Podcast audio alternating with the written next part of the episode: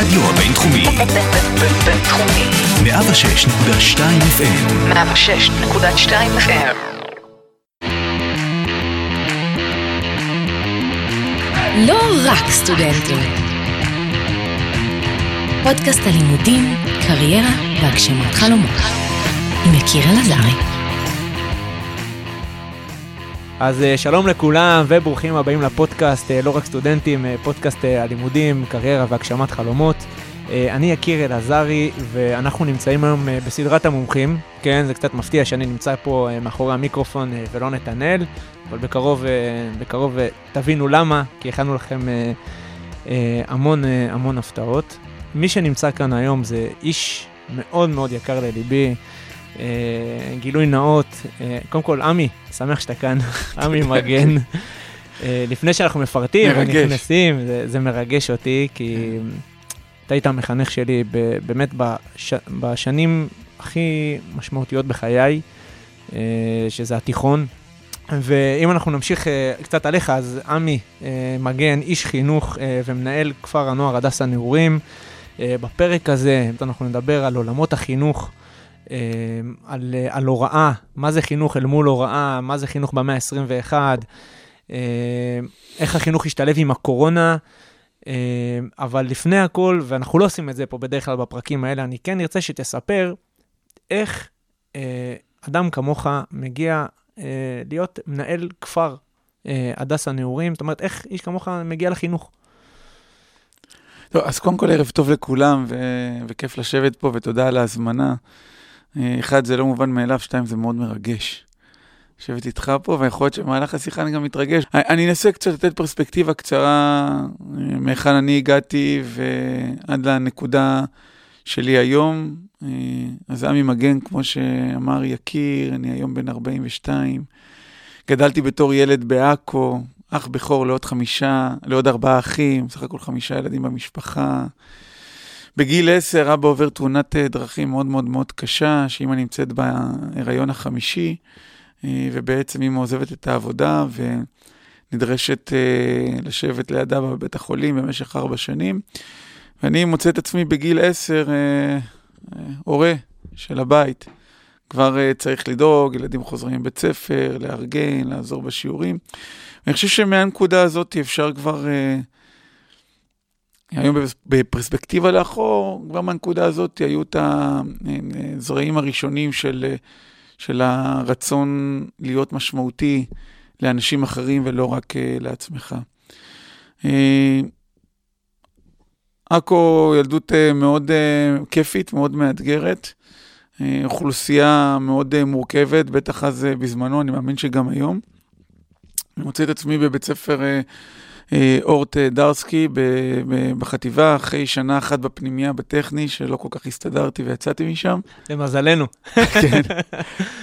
ולמזלי, אה, מגיע לבית הספר עם לא מעט אה, פערים, עם רצון עז להשלים את כל הפערים, עם עבודה מאוד מאוד מאוד קשה, עם החלטה על שינוי אישי שאני עושה לקראת הצבא שאמור אה, להגיע, ובאמת אה, מצליח לעשות שינוי בהרבה תחומים. אה, חוץ מתחום מרכזי אחד שאני כל הזמן חווה בו כישלונות, וזה תחום המתמטיקה. אה, עד היום זכורים לי ה... הימים שפשוט אתה יושב מול הדף ואתה לא מצליח ואתה מרגיש תחושות של אה, כישלון, וברגעים הקטנים שאתה כן מצליח, אני, אני תמיד זוכר את זה, אני מספר את זה היום לילדים גם בפנימייה. זה דרך אגב מטאפורה מאוד יפה להצלחה. מה, איך הצלחה מניעה לפעולה. אני אומר להם שפותרים את התרגיל הראשון בספר, במתמטיקה. עכשיו, אני לא יודע מה קורה היום, אה, אה, או בזמנך, כן היה גם בספר, כן. אז אתה פותר את התרגיל הראשון בספר, ואז התשובה נמצאת בסוף הספר. ואתה גמרת לפתור את התרגיל, אתה הולך ישר לסוף, אתה רואה שהתשובה נכונה, מה אתה עושה באותו רגע? רץ לפתור עוד תרגיל. אתה נמצא. בתוך הדרייב הזה, גם אם זה כבר הפסקה וגם אם הכל, אפרופו הצלחה מניעה לפעולה נוספת. אבל באמת הייתי די מתוסכל מהמתמטיקה ולא הצלחתי. אני לא אשכח את זה, זה יום אה, לפני המבחן מתכונת במתמטיקה, כל הכיתה הדי מעפנה שלנו שלא מצליחה בכלום אה, יושבת, ואחת הבנות בכיתה באה, תקשיבו, עד שלוח, השגתי את המבחן מתכון במתמטיקה, אה, זה ישר כולם, ישר כולם קופצים. מתים, קופצים, ככה בוא, בוא, בוא נפתור אותה, נבוא מוכנים למבחן, שוורד המורה תהיה מבסוטית, וכולם יושבים פה, פותרים את המבחן, ואני ועוד חבר בשם קובי, היחידים שלא הצטרפנו לחגיגה, לא התאים לנו אה, הדבר הזה, ובאמת יום למחרת במבחן, כולם אה, מבסוטים, עושים את המבחן, אני כמובן שובר את הראש, לא כל כך הולך לי. בסוף מגיש אה, דף... אה, להרגיש דף אה, חצי ריק. שבוע לאחר מכן ורד נכנסת בהתלהבות לכיתה, איזה יופי, ידעתי שיש לי פה חבר'ה משקיעים, ילדים הפתעתם טובים, אותי. הפתעתם אותי. כולם פה הצליחו חוץ משני ליצנים, קובי ועמי, שכנראה מתמטיקה לא ילך לא להם הפעם, לא. הצד החזק. עם איזה סמיילי עצוב כזה שמה לי, וככה זה זכור לי. אז לא הצלחתי בשלוש יחידות מתמטיקה, אבל היום אני פותר משוואות באלף נעלמים. ועל וואו. זה אנחנו נדבר בהמשך. אז זהו, אז מה, ש, מה שאני רציתי להגיד, ו, ופה הרמת לי, שאתה מספר את הסיפור הזה, ואני אומר לעצמי, זה, זה החינוך ב, במילה אחת. כאילו, מי שהבין את, את, ה, את המוסר השכל, אתה יודע, של הדבר הזה של, רגע, ללכת להעתיק, או מה שנקרא, ללכת עם, ה, עם הזרם, ואחרי מה שעברת, וגם במה שסיפרת ועד היום, מי הוא או מהו איש חינוך בעיניך?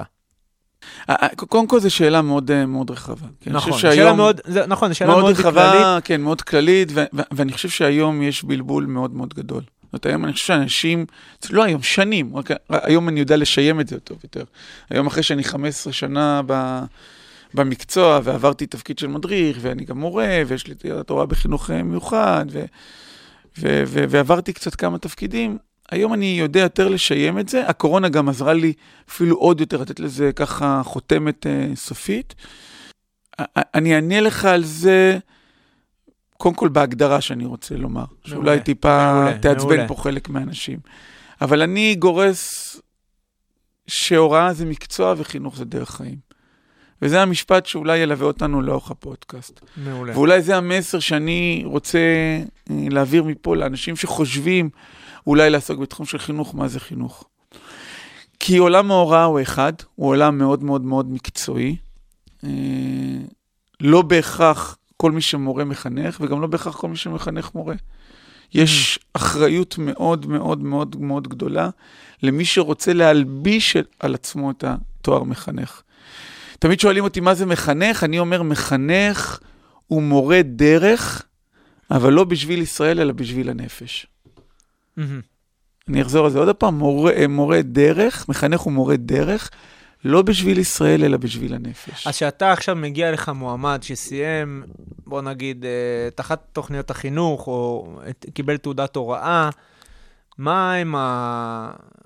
נגיד, הקריטריונים שאתה, זאת אומרת, איך אתה מבחין במישהו שהוא מורה דרך, ואתה מבין מה אני, אתה מבין מה אני שואל? מבין? אני, אני יכול להגיד לך כי שאני קודם לי כל... זה מרגיש שהמון חבר'ה צעירים, בגיל שלי, ש... ואני לא רוצה לעשות הבדלים באוכלוסייה, אבל ברור מי הולך היום ללמוד הוראה, אני אגיד, ו... וקשה לי לומר את זה, אבל ברור לי מי הולך ללמוד הוראה היום, ומי הולך להיות מהנדס, או לא יודע, או לעסוק ב... בדברים אחרים שהם לא הוראה.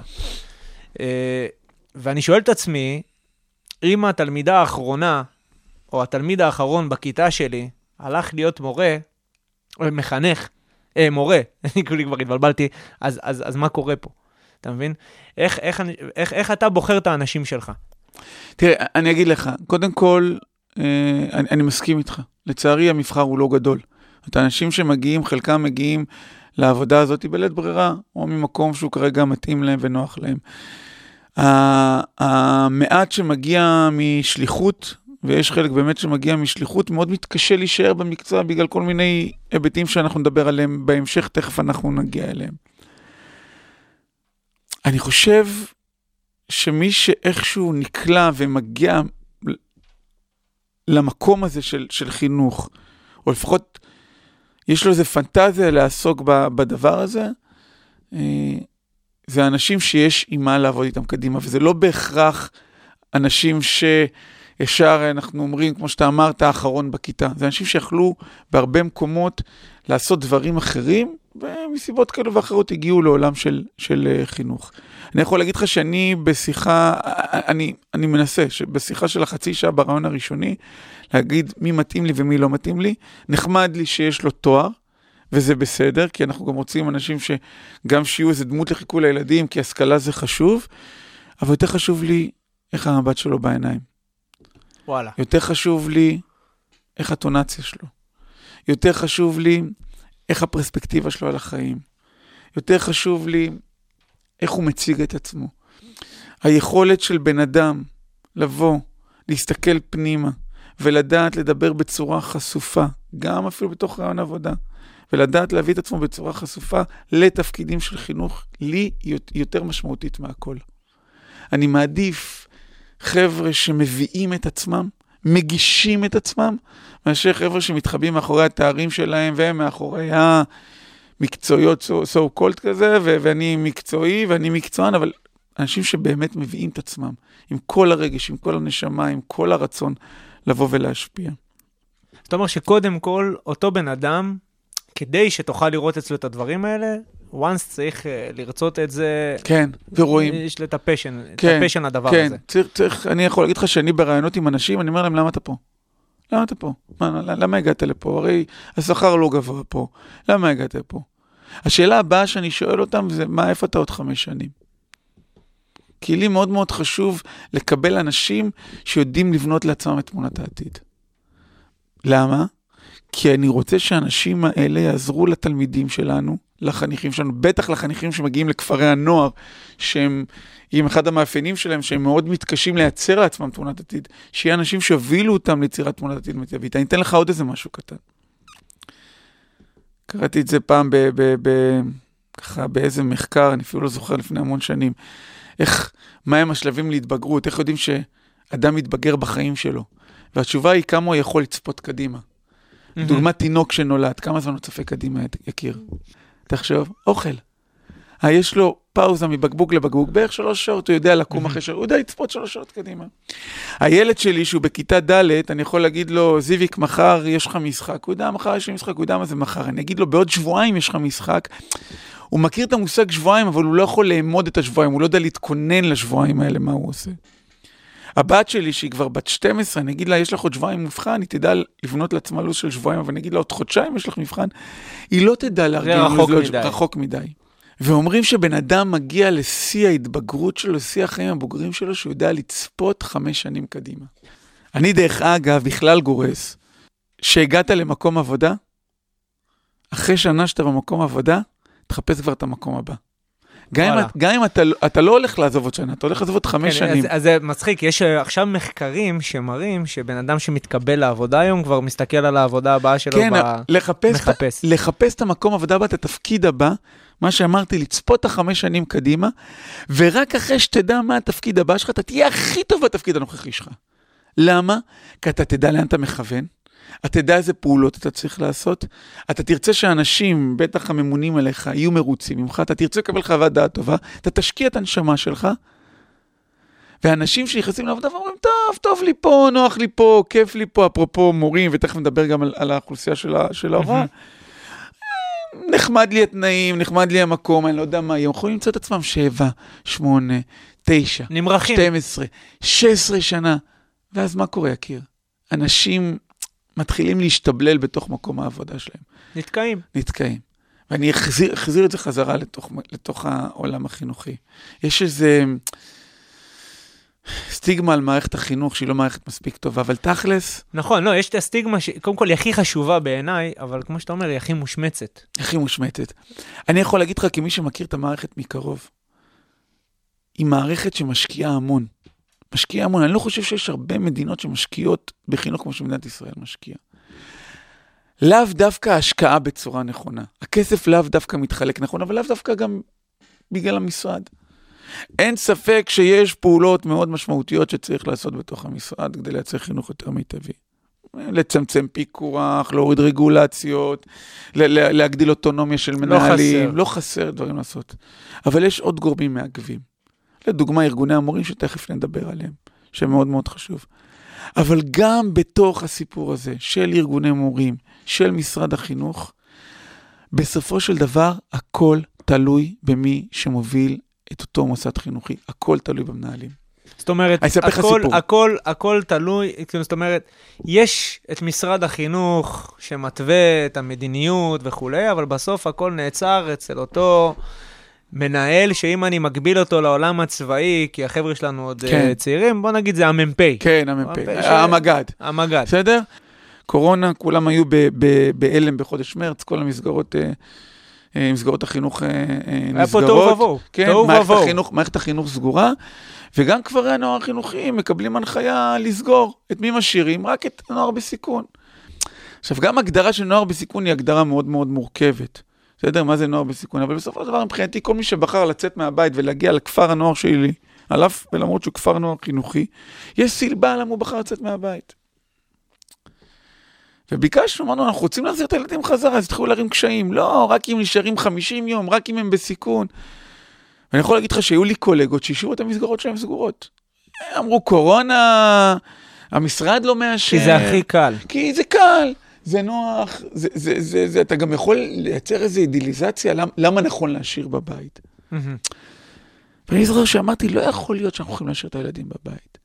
נוער בסיכון, אין בעיה. לקחתי את המנהלת שירות פסיכו-סוציאלי. אמרתי לה, ליאור, תקשיבי, קחי 48 שעות, קחי את העובדות סוציאליות שלנו, שבע עובדות סוציאליות, תעשו טלפון לכל ה-260 ילדי פנימייה שנמצאים. כל ילד שאומר, אני רוצה לחזור לכפר, תרשמו למטה סיכום שיחה בסיכון, ותחזירו אותו לכפר. אבל ת- שיחזור. כן, 96% מהילדים חזרו לכפר. איפה ה-4% האחרים? לא שהם לא רצו לחזור לכפר, הם לא יכלו לעזוב את הבית. הם היו חייבים להיות צמודים להורים שלהם, להחליף את ההורים שלהם בעבודות, להיות שם כי הקורונה גמרה אותם. ודוגמה, אתן לך עוד דוגמה. משרד החינוך אמר, אתה לא יכול ללמד בבית הספר כרגע. אתה לא יכול. ספר סגור, אתה רוצה, תלמד במרכז למידה בפנימייה אחר הצהריים. הרמנו את כל המורים לזום, מוצאי שבת, 40 איש בזום, אמרתם, תגידו, זה המצב. או שאנחנו מלמדים בזום מ-8 עד 4, ועל כולנו זה מקשה בבית, או שכולכם תבואו ללמד במרכז הלמידה. נתחיל את בית הספר בשעה 1. מדהים. אני כבר אומר לכם, לקחת- אני, אני כבר אומר לכם, כל האחריות עליי, מהמם. כל האחריות עליי. אני נותן תשובות לכל דבר. אתם תתייצבו, אני לא, מי שלא רוצה לבוא, אני לא, לא כועס עליו. נכון, אבל זה לא שלקחת את, את החוק והקמת אותו. לא, לא, לא. הפוך. לא, מצאתי פתרונות. פתחת, בדיוק, היית יצירתי. מצאתי פתרונות, כי הבנתי מה המשימה העיקרית, והמשימה העיקרית מבחינתי באותו רגע הייתה לתת לילדים אלטרנטיבה, במקום להשתגע בבית, לבוא וללמוד. לבוא וללמוד, לבוא ולהמשיך בפעילות שהם עושים, ולהמשיך להיות בכפר שהכפר הוא בית שני. ושכולם מרוויחים מהסיפור הזה. לגמרי כולם מרוויחים. ובסופו של דבר, הכל תלוי באותם מנהיגים שמובילים את, ה, את העסק הזה, מהמם. את מערכת החינוך. ולכן אנחנו יכולים לשבת, ואנחנו יכולים להלין, ואנחנו יכולים להגיד המשרד. אנחנו יכולים גם לעשות פעולות. אבל הכל, הכל בנו. זאת אומרת, הכל הכל בנו. הכל, אה, הכל בנו, גם ההתמודדות עם רגולציה שלו, הכל, הכל, הכל בנו, לגמרי.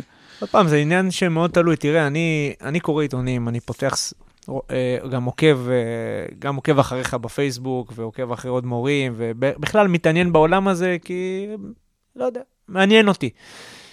לא נתקלתי ב- בסיפור כזה.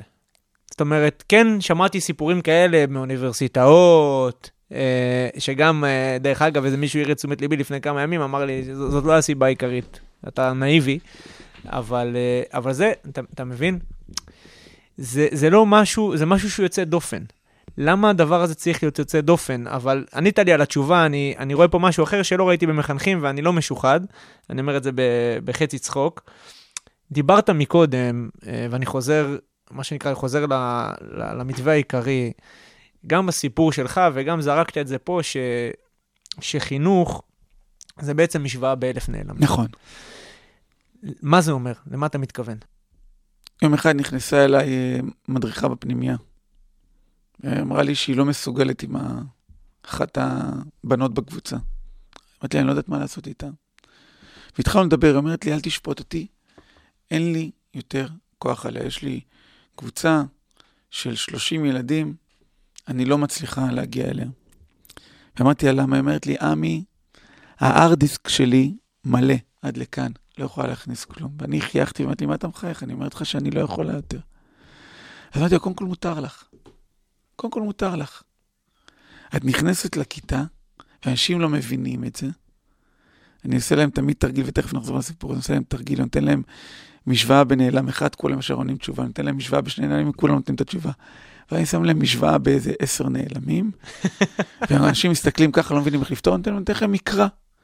4F פלוס 20K פלוס 30D, ואני אומר להם, בואו ניתן לכם מקרא. F, שעות שינה.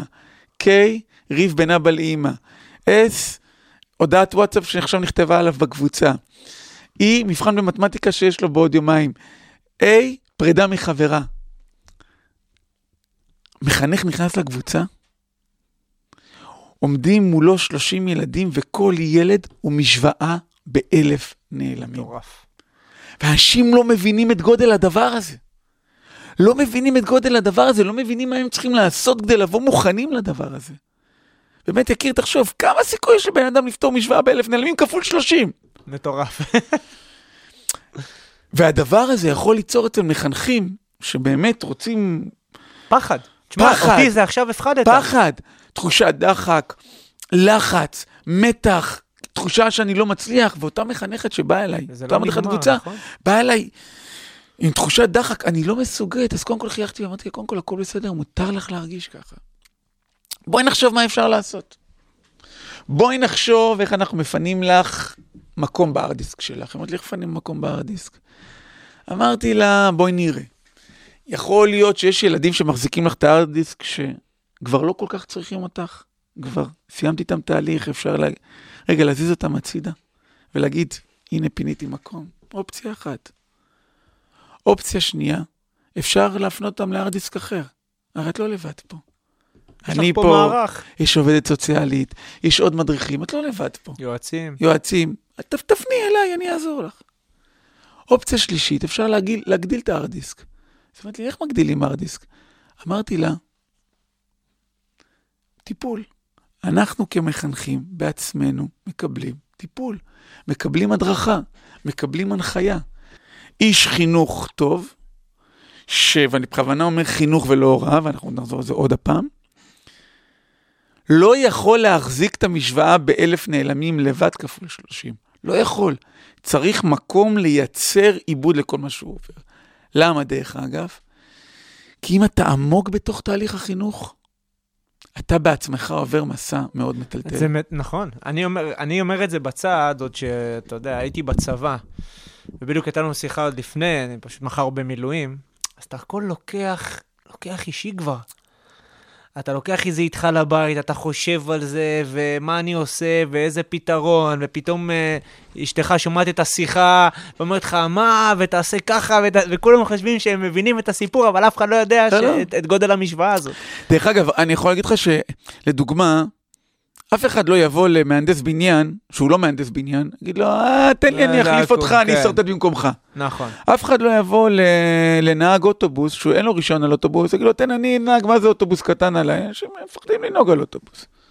כנ"ל על טייס וכנ"ל עכשיו על, אה, על אה, חשמלאי. אף אחד לא... אבל מחנכים ומורים, כל אחד יכול להחליף אותם. כל הורה יושב בבית, יכול להחליף את המחנך. אה, מה זה המחנך הזה? בוא נתקשר אליו. בוא נתקשר, בוא נעשה, אני יודע מה טוב לילד שלי, אני יודע ככה. אבל לא, אה, אותו מחנך מתמודד עכשיו עם משוואה באלף נעלמים. אבל כגודל המשימה וכגודל ה- ה- הקושי הזה, אני חושב שככה היכולת שלך לייצר סיפוק שלא קיים בשום מקום אחר. אני לא יודע אם יש אנשים שישמעו אותנו שמתלבטים. האם אני הולך עכשיו לחינוך, או אני הולך להייטק, או כן. אני הולך למקצועות של אומנות או כל דבר אחר. תראו, אני נהנה מכל רגע שאני בתחום. לא בגלל השכר, למרות שהיום, ברוך השם, מרוויח מאוד מאוד יפה. שכר מהמם. מאוד יפה. אחרי עשייה בעשר אצבעות ולבנות מתפקיד לתפקיד לתפקיד לתפקיד, ובחינוך אפרופו הסתכלות קדימה. הסתכלות קדימה, ומתפקיד לתפקיד. ובחינוך, למי שרוצה, יש קש- כסף. מי שלא מגיע בשביל להשתבלל לתוך מערכת הלימודים של 8 עד 2, שנקרא לעצום את העיניים ולהתעורר כן, בפנסיה. יש כסף. יש כסף, אפשר לעשות הרבה דברים במקביל, בתחום החינוך, בתחום ההוראה, יש כסף, זה אחד. אבל בעיקר, בגלל הלגיטימציה שיש לי להיות מעורב בחיים של אנשים אחרים. אני יכול להגיד לך, אני אתן לך דוגמה, בסדר? בש... בסוף השנה הראשונה שלי כמנהל פנימייה, 12 בלילה אני יושב במשרד, מקבל דפיקות בדלת, אני פותח את הדלת של המשרד, נכנס אליי ילד, אנחנו חמישה ימים לפני מסדר סיום של הפנימייה, ואני כבר לא מדריך, אני כבר לא רק כזה מנהל פנימייה על 400 ילד, אומר לי אותו ילד, עמי, אני חייב את המדריך שלי עכשיו. אני אומר לו, מה קרה? הוא אומר לי, אני חייב אותו עכשיו, התקשרו מבית חולים, אבא עבר תאונה, אני צריך להגיע לשיבא תל השומר. ילד, זה, כל החיים שלו זה הוא ואבא שלו, והמשפחה, אימא לא, לא בתמונה. אני מרים טלפון למדריך שלו, והתשובה שאני מקבל מהמדריך, עמי, עזוב אותי, ירדתי ממשמרת, אני עזבתי עכשיו את הקבוצה, אין לי כוח, אני עייף, תמצא פתרון. אני אומר לו, לא חשוב השם, הוא צריך אותך עכשיו. אומר לי, עמי, ירדתי ממשמרת, עזוב, אני... התלבטתי מה עושים, אמרתי, בסדר, עזוב, תשאר. הנעתי את האוטו, אמרתי לו, בוא נוסעים. הגענו לבית החולים, בכניסה מקבלת אותנו עובדת סוציאלית, אתה כבר מבין את הסיטואציה, אבא נפטר. מפה לשם, תוך שעה וחצי אנחנו כבר בחדר מתים לזיהוי של הגופה, והילד נפרד מאבא שלו. וואו. אני מוצא את עצמי עד שש בבוקר עם הילד בבית החולים, אחרי זה חוזר איתו הביתה, כמובן כל הארגונים. ונוצר קשר, לפני, נוצר קשר כמובן מאותו נקודה. לפני שנה הילד גם פונה אליי, קבענו להיפגש, ישבנו כבר בין 26, צריך להיות 25, ישבנו על בירה, כדי לסגור מעגלים של אותו לילה. אחד הדברים שהוא אמר לי, שמבחינתו, למרות שאותו מדריך ליווה אותו שלוש שנים, הקשר לא משמעותי. כי ברגע האמיתי, ברגע האמיתי, ברגע האמיתי, ברגע האמיתי של החיים שלו, שהוא לא בתוך הכרטיס, הוא לא בתוך שעות העבודה, mm-hmm. ברגע האמיתי של החיים שלו, התשובה הייתה, אני לא במשמרת. ולי זה נחרד בראש. אני, היום כשאני מדבר עם צוותים ואני, ואני מנחה בקורס, בקורסים לאנשי צוות בפנימייה, ואני מרצה ב... ב לפעמים מזמינים אותי כמרצה אורח בקורסים של, מנהל, של מנהלי פנימיות. אני אומר שאחד הדברים שאני מוחק מהלקסיקון זה את המילה משמרת. אין יותר את המילה הזאת. אין את המילה, בחינוך אין את המילה משמרת. כמו שאני לא במשמרת על הילדים שלי. כמו שאם עכשיו מתקשרים אליי מהגן ואומרים לי, הבת שלך... השאלה אם כולם רואים את זה עין בעין כמוך. לא, ולא כולם חייבים, אבל אל תקראו לעצמכם מחנכים. בואו נעשה עסק, הכל בסדר.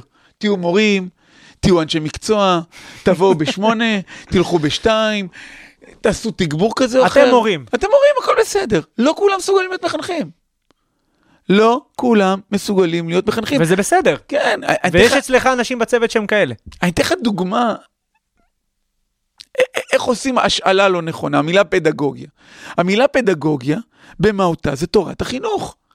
היום בבית הספר, המילה פדגוגיה היא שם נרדף לדרכי הוראה, לגישות הוראה, לשיטות הוראה. תראה איזה לקיחה, איך לוקחים מילה ומשנים אותה. אבל, רגע שנייה, הרי לא כל מה שקורה בכיתה הוא חינוך.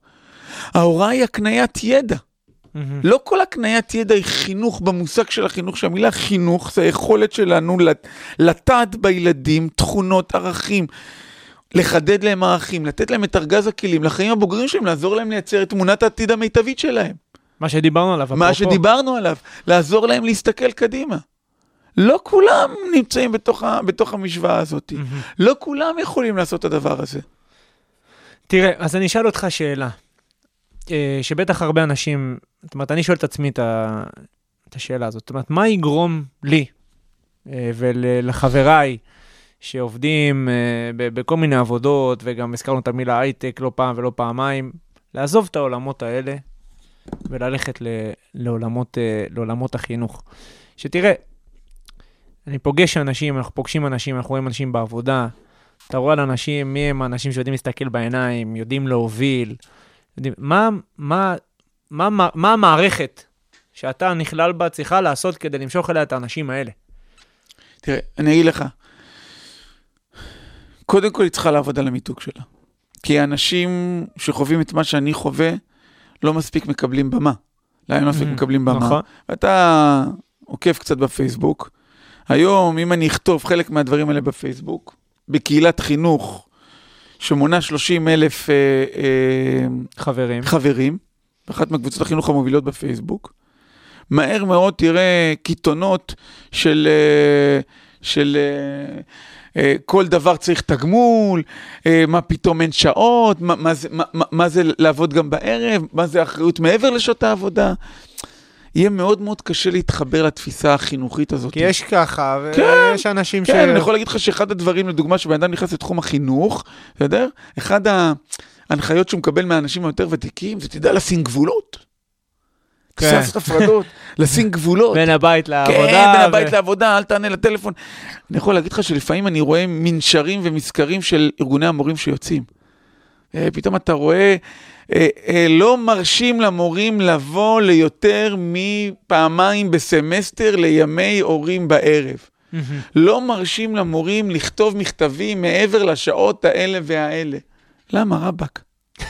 למה? אני אגיד לך יותר מזה. יותר מזה, בוא נסתכל קדימה. עוד מעט התפקיד הקלאסי של המורה לא יהיה הכרחי.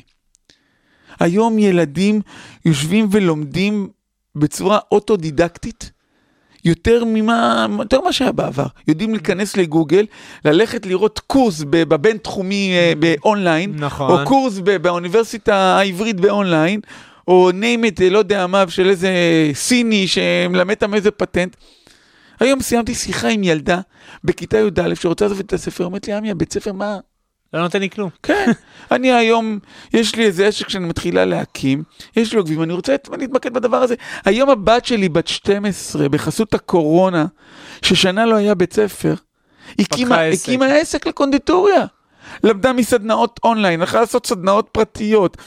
מפתחת, יש לה דף אינסטגרם, יש לה עוקבים, היא הרואת חשבון, היא המשווקת, היא השירות לקוחות, היא הקונדיטורית. יאללה, קדימה, לחיים. האמיתיים. מה היא צריכה את הבית ספר? לפני חודש בא אלינו הביתה עם אבא, תפקידו לי עשרת אלפים שקל לבנק ראשונים. ילדה בת 12. עכשיו בוא תגיד לי, למה היא צריכה לשבת עם אותו אה, מורה שעכשיו יתעסק בה, כן הגעת בזמן, לא הגעת בזמן? חייב להביא ערך מוסף לתוך הכיתה. חייב, להביא. ערך מוסף לתוך התהליך החינוכי. שאין אותו באונליין, ואין שאין אותו... אותו באונליין שאין ואין אותו בשום בספרים. דבר. חייב להביא את התיווך הזה, שהוא תיווך גם של ידע, אבל גם תיווך ערכי ותיווך בין אישי. היכולת שלנו לרצות להשפיע ולהבין איזה יכולת השפעה יש לנו על הילדים היא המשמעותית. ואתה יודע מה הקטע? שרק המחנכים שמושקעים all in בתוך הדבר הזה, יחוו בסופו של דבר עושר עילאי. עושר עילאי. כי שיקיר כותב לי, עמי, אני מתחתן. אני רוצה שתבוא לחתונה, זה אושר עילאי. שכותב לי חניך אחר, אני מתחתן, אבל אני עושה חתונה מצומצמת של 150 איש, אבל ברור לי בפנים. שאתה בפנים, כי אתה יותר קרוב מהמשפחה. זה אושר עילאי. שחניכים מזמינים אותך לקורס טיס. שחניך מזמין אותי לקורס טיס, לסיום קורס טיס, ואומר לי, עמי, אתה הדמות המשמעותית של החיים שלי. זה אושר עילאי. גם שחניך, רגע לפני שהוא נפרד, ויש גם כאלה, מאשתו, ואומר לי, אני רגע לפני שאני הולך להתגרש, אני צריך בירה, אני צריך לסדר לי את העניינים בראש, זה אושר עילאי. כי יש לך את הזכות לקחת חלק בחיים של אנשים אחרים. ולשם מה אנחנו כאן? בוא נחשוב על זה ביחד. לשם מה אנחנו כאן? להשאיר חותם. להשאיר חותם. מה זה החותם? החותם יכול להיות בדמות איזה גילוי מהמם. כזה או אחר. בתחום איזה משהו פורץ דרך. פורץ דרך, נכון? אבל החותם הוא גם על אנשים. הוא. לדעת שלקחת אפילו בן אדם אחד, אפילו בן אדם אחד, ועזרת לו לשנות מסלול חיים.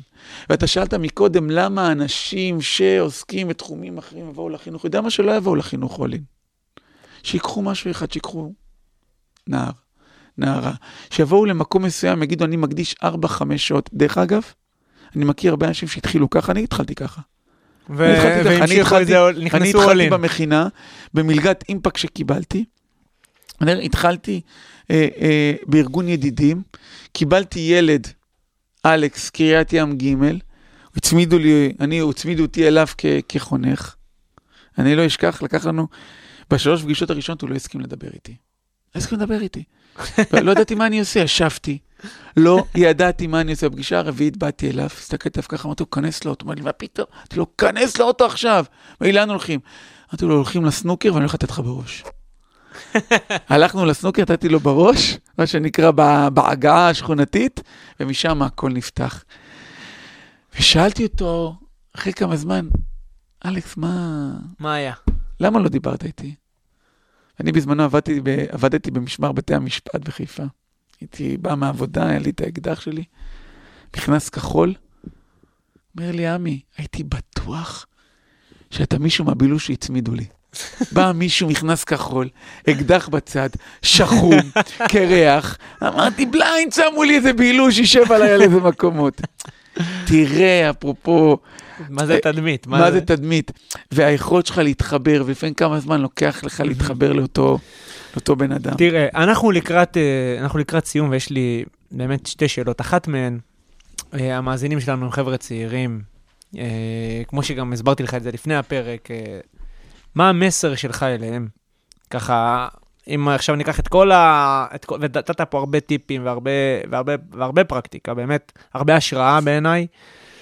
מה הדבר, בוא נגיד, הבטם ליין, המסר שאתה רוצה להעביר למאזינים שלנו?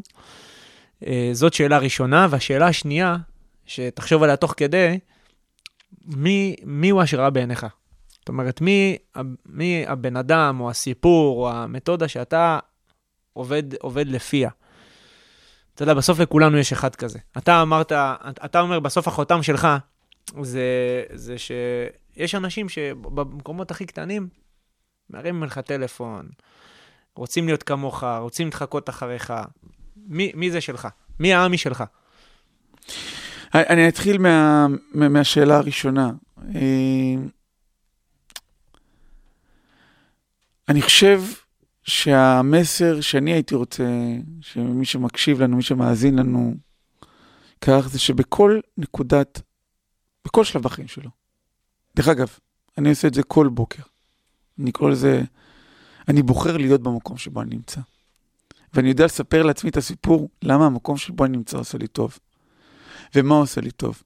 והמסר שלי שבכל נקודת זמן שאתם נמצאים בה, תדעו להסתכל במראה ולהגיד, זה המקום בשבילי. השאלה השנייה, זה האם אני יודע שהמקום הזה עושה לי טוב ועושה לאחרים טוב. האם אני יודע גם לתת מעצמי לאחרים? זה מה שמוביל אותי וזה מה שמנחה אותי. דרך אגב, אני אגיד לך משהו, זה מאוד אגואיסטי אפילו. הקבלה האמיתית היא בנתינה. אני מצא את עצמי, אני, אתה לפעמים אני מתבייש לדבר על זה אפילו, שכל העשייה היא בעצם... בשבילי. בשבילי.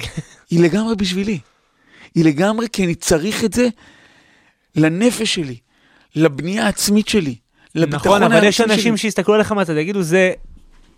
כל מה שהוא עושה, והזמן שהוא מקדיש, ואחרי שעות העבודה, ועונה לטלפונים, ונוסע, ומרים אותה, ועושה זה, יגידו, זה משוגע. אה, אם זה בשבילו, שייקח. כאילו, לא הוא יודע. רק עושה טוב לעולם. אז אני אומר לך, אני אומר? אני אומר לך, לפעמים קשה להסביר את זה בהרבה נקודות. לפני, אה, לפני שלוש שנים שסיימתי בפנימייה, לפני שקיבלתי לנהל את כפר הנוער, אה, התלבטתי והיה לי הצעות לנהל בית ספר, ויש לי זוג חברים טובים אה, שיש להם עסקי אה, מזון, ואמרו לי, בוא תנהל לנו את העסקים. אה, הציעו גם, סכום. כן, משכורות בטח יותר יפות ממה שאני עושה, ואני זוכר שישבתי בבית, ואמרתי, חבר'ה, אבל אני לא בעסקי המזון, אמרו לי, אל תדאג. אתה מנהל טוב. כן, אתה מנהל טוב, אתה איש של אנשים, אנחנו נלמד אותך את, את המושגים, שלושה, ארבעה חודשים אתה כבר לבד. ישבתי בבית והתלבטתי עם מיטל, ואז אני זוכר שמיטל אמרה לי, מה אתה רוצה לעשות כשאתה קם בבוקר? לעבור בבתי הקפה ולראות את הפדיון היומי, או לפגוש את החניכים שהם קמו בבוקר, אחרי ריצת בוקר, עלו לחדר אוכל ובדרך לבית ספר ולראות מה איתם. אמרתי, מיטל, יש לי את התשובה. יש לי את התשובה. לא יודע, אולי נגיע לעולם העסקים אחר כך ולעשות דברים אחרים אחר כך. כרגע אני מאוד מאוד אוהב את מה בדרך כלל שאני זה עושה. הפוך, אבל אה, כן, יפה. מאוד מאוד אוהב את מה שאני עושה, ואני גם חייב להגיד, ברוך השם, גם מבחינה כלכלית, ובנינו את עצמנו בעשר אצבעות. בעשר אצבעות בנינו בית פרטי, והקמנו משפחה, ואנחנו יודעים לתת לילדים שלנו את מה שצריך. אנחנו מאוד זאת שלמים. עם אומרת, זה לנו. אפשרי, אז מי ש- אפשרי. מי שטעה לעצמו, זה אפשרי אפשרי לגמרי. כן, אפשרי. לגמרי, אז, אז לא קונים רכב ב-400 אלף שקל, קונים רכב ב-140 אלף שקל. מהמם. לא הולכים עשר, אה, לא, נוס, לא נוסעים עשר פעמים לחו"ל, נוסעים שלוש פעמים לחו"ל בשנה. כן, אבל אני יכול להגיד לכם שגם במקצוע החינוך, מתי שרוצים לשתות בירה, אפשר לשתות בירה. ואין עם זה כסף. בעיה. אין עם זה בעיה. אפשר להוציא כסף על ולשאלה. השנייה שלי, תראה, זו שאלה שאני אה, הרבה פעמים עסקתי בה, בסדר? בדמות השראה. אני יכול להגיד לך שדמות שמלווה אותי, שאני, אני, זה, זה חשיפה מה שאני אומר פה, כי אני לא יודע, הוא לא יודע, הוא לא יקשיב לפודקאסט הזה, כי הוא לא מאלה שמקשיבים לפודקאסטים האלה, בטח לא להרבה זמן. אני גם יכול, את האמת, טיפה אפילו קצת לבכות מזה, אני לא... אני יכול להגיד לך שבשבילי הדמות המשמעותית ביותר זה אבא שלי. ואני אגיד למה גם. כי זה שני ההורים שלי, אבל בעיקר אבא שלי, בקטע הזה. דווקא מתוך השקט הזה. דווקא מהשינוי שהוא עשה בחיים שלו, ודווקא מ- מ- מ- מהפציעה המאוד מאוד קשה שהוא הצליח להתרומם. המצב הכלכלי של ההורים שלי אף פעם לא היה טוב. אף פעם לא היה טוב. היה לי אופניים, פעם אחת קנו לי בכיתה ב', המשיכו איתי עד כיתה ז'. אה, אבא שלי היה קונה לעצמו נעליים בשוק ב-30 שקלים, אבל לנו היה משתדל לקנות את המיתוג, את המשהו עם המותג. מהמם. הבית שלנו, ההורים שלי דאגו שתמיד הוא יהיה פתוח. תמיד יהיה פתוח. תמיד הם דאגו שחום ואהבה זה, זה הדבר שיעטוף אותנו הכי הרבה. לא ידעתי להגיד את זה. אם היית שואל אותי לפני עשר שנים מי דמות משמעותית, לא יודע מה היה לי, לא, לא יודע אם הייתי יודע לך השאלה הזאת. מהמם. היום אני יודע להגיד חד משמעית שההורים שלי, בדגש על אבא שלי, למרות שאימא שלי הייתה יותר דומיננטית, אבל דווקא מהשקט, דווקא מהצניעות, דווקא מהמקום הזה של הלעשות טוב לאחרים, ואתה לא במרכז. אתה לא במרכז. אבא שלי, וואו. כל החיים שלו, הקריב את עצמו, אני חושב, בשביל הבית. כל החיים שלו. ואתה לא במרכז. אני חושב שזה זה מבחינתי משהו שמלווה ועכשיו הוא אותי. קוצר את הפירות. כן, אני, אני, אני לא יודע אפילו, אני לא יודע אפילו אם ככה הוא מרגיש. זה, זה כן, קטע, זה- זה- כי כי לא היה לו את המטרה, זאת כן, אומרת, זה לא היה משהו שהוא עשה לשם לא, משהו, זה- לא, זה אופי. לא, אני גם לא יודע אם הוא יודע להסביר את זה, אם הוא יודע לדבר את זה. אתה יודע שסיימתי קורס קצינים, אני לא אשכח את זה, אבא שלי היה נגד בצבא. כשסיימתי קורס קצינים, זה היה בדיוק לקראת סוף השירות של אבא שלי. הוא התעקש שאני אבוא איתו ולהסתובב איתו בבסיס. זה... הוא היה כל כך... היה גאה בזה. דרך אגב, עד היום, עד היום, אני יכול להגיד לך שאני מקבל משהו, מקבל תפקיד מסוים. אפילו שקיבלתי את המינוי למנכ"לת הדסה נעורים, שהיה מבחינתי, וואו, כי זה היה שלוש. שלושה חודשים תהליך, הייתי יחסית גיל צעיר לקבל. עמדתי במכרז מאוד מאוד מאוד קשה, אני יכול להגיד לך שהטלפון הראשון שלי היה לאבא שלי. היה לאבא שלי. דרך אגב, הוא תמיד עונה באדישות כזאת. כן, הוא תמיד עונה באדישות כזאת. הוא לא, הוא מאוד מתקשה בהפגנה של, של הרגש. אבל אני יודע מה עובר לו בפנים. וזה לימד אותי עוד משהו, גם על אפרופו, על אפרופו של החינוך, שבסופו של דבר, אנחנו עושים דברים כי אנחנו רוצים שההורים שלנו יהיו גאים בנו. גם, כש, גם כשההורים שלנו, הם בעצמם לא מרגישים כל כך משמעותיים, גם שהם בעצמם לא תמיד נוכחים בחיים שלנו, הרבה פעמים אנחנו עושים דברים כי אנחנו רוצים שההורים שלנו יהיו גאים בנו. נכון. רוצים לספר את זה, שההורים יהיו... אה, זה. אז זה, זה מבחינתי. מדהים. מעבר לזה, אני יכול להגיד לך שאני יכול לראות חניכים ש, שעברו דרכי, אה, בדרך המקומות שהייתי בהם, שבנו את עצמם. שזה גם משהו שנותן כן, לך את את הדרייב קדימה. לעשות, זה ברור. זה מבחינתי מעורר השראה. אני נותן- חוזר לתשובה הראשונה שלך, לי- לתרגיל לי- הזה במתמטיקה. כן, לגמרי, שאתה פותר אותו, ואז... אה, לגמרי. נותן, נותן, נותן, אה, נותן לי את הכוח לגשת כבר קדימה. לתרגיל הבא. כן, טוב, עמי, אה, אנחנו יכולים לשבת ולדבר גם עוד ארבע שעות. כן. לא דיברנו עוד על הרבה דברים, דרך אגב. לא, לא דיברנו עוד הרבה דברים, אתה יודע ש... אני נסיים אולי בזה. בא אליי לפני שבוע, בחור קבע איתי פגישה. אה, בחור מקסים, אני לא, לא, לא אגיד כן. כרגע את השם. בחור שגם התחיל מילדות מאוד אה, מורכבת, היום הוא אחד הקבלנים הגדולים, אה, בונה בתי יוקרה וסודר בחיים, מה שנקרא. מהמם. והוא רוצה להקים יחד איתי תוכנית תמיכה בנוער, איזו תוכנית מאוד אה, מיוחדת. ואני אומר לו, למה? למה אתה רוצה לשים את הכסף שלך? מה... אומר לי, אני, אני, אני עוסק בשאלה מה חסר לי בחיים.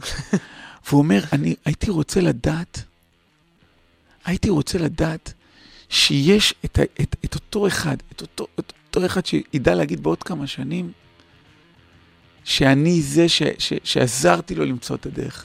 מהמם. לשבת ופתאום לקבל הודעה בעשר בלילה, רציתי להגיד לך תודה. היית אומר לו, אתה במקצוע לא נכון? כן, רציתי להגיד לך תודה.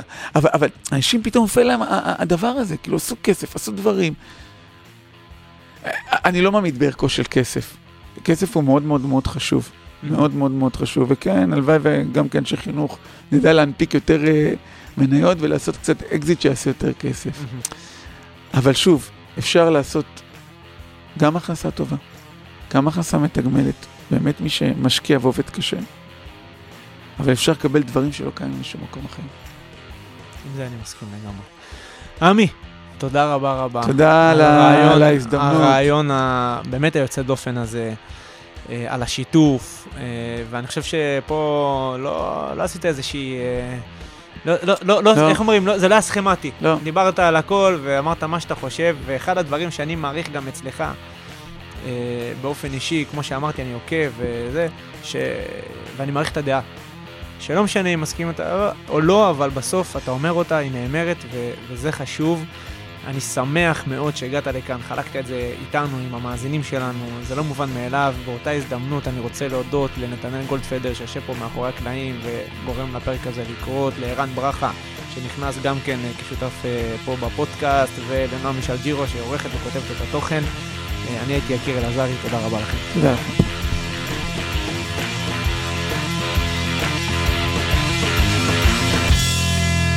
לא רק סטודנטים.